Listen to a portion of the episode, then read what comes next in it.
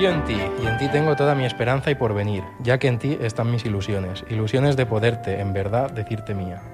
És Òscar Prades llegint una de les 220 cartes que el seu besavi, Vicenç, va escriure als anys 40 a la Lola, la noia que vivia just davant la presó de Manresa on complia condemna. Més enllà de la història d'amor, que va durar gairebé 70 anys, que no és poca cosa, els documents que ara publica Memòria.cat descriuen les penúries d'un pres polític republicà durant els anys més durs de la dictadura. La Nàtia d'ella ha quedat amb la família del pres, al casal de les Escudines, l'antiga presó, una troballa que va agafar per sorpresa els seus propis nets, oi? Doncs sí, Marta, bon dia, perquè sabien de la història d'amor nascuda entre reixes, però no de tot aquest material, cartes, fotografies, documents judicials... Vaja, un tresor amagat durant dècades en una caixa de fusta. Escoltem la Cristina, l'Adriana i el Carles, els nets. Clar, no, no teníem ni idea de que aquestes cartes, després de 81 anys, encara existissin físicament. Clar, va ser molt emocionant. També serà maco poder llegir les cartes de pe a pa, per conèixer també una miqueta més. I jo tenia 11 anys, pujàvem a la torre i a mi m'agradava molt que m'expliqués coses de la guerra. Jugaven als polls per un cigarro, però ell tot això de- d'aquestes cartes i d'aquest amor no en parlava. Totes aquestes cartes les va descobrir l'any 2015 en un mercat ambulant de Salrà el Domènec Guimarà, un editor de Santa Perpètua de Mogoda.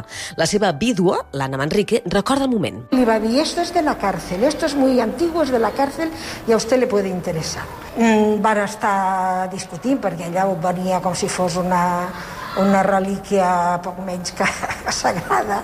Me l'emporto i ja està. I així va ser com van venir a casa. I el seu marit es va dedicar a ordenar-les, a transcriure-les i analitzar-les. Vaja, una feinada. Molts dies, molts dies, molts dies, molts i moltíssimes hores, que no les puc calibrar. Perquè si han sigut 3 anys, és que no ho sé. El Domènec, poc abans de morir, va cedir el resultat de tot el seu treball a l'Associació Memòria i Història de Manresa. La seva portaveu, Fina Oliveres, explica el valor de les cartes més enllà de la història d'amor. pel que fa a les condicions doncs, de la presó, pel que fa a la repressió, pel que fa doncs, a, a l'arbitrarietat doncs, d'aquest sistema judicial doncs, tenen un gran valor i a més a més el Vicenç és capaç d'expressar-ho molt bé no? per tant a nivell testimonial doncs, tenen un, un gran valor Com el que explica aquesta carta. El sábado solo nos dieron por la mañana un poco de café sin azúcar y nada más. Y llevamos ya dos días que solo nos dan una sola sardina de lata, pues todo el mundo se pone enfermo. Cartes, No totes elles, que es conserven físicament ara a l'Arxiu Comarcal del Bages. Molt contenta ja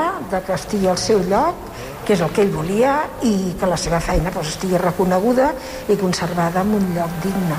I a la web memòria.cat podeu trobar una selecció d'il·lustracions i fragments d'aquestes cartes, la seva vida a la presó, la seva relació amb la Lola, imatges de la parella amb una guia de lectura sobre la correspondència. De cartes de la Lola no se'n conserven. Tot fa pensar que el Vicenç les va destruir per no comprometre-la.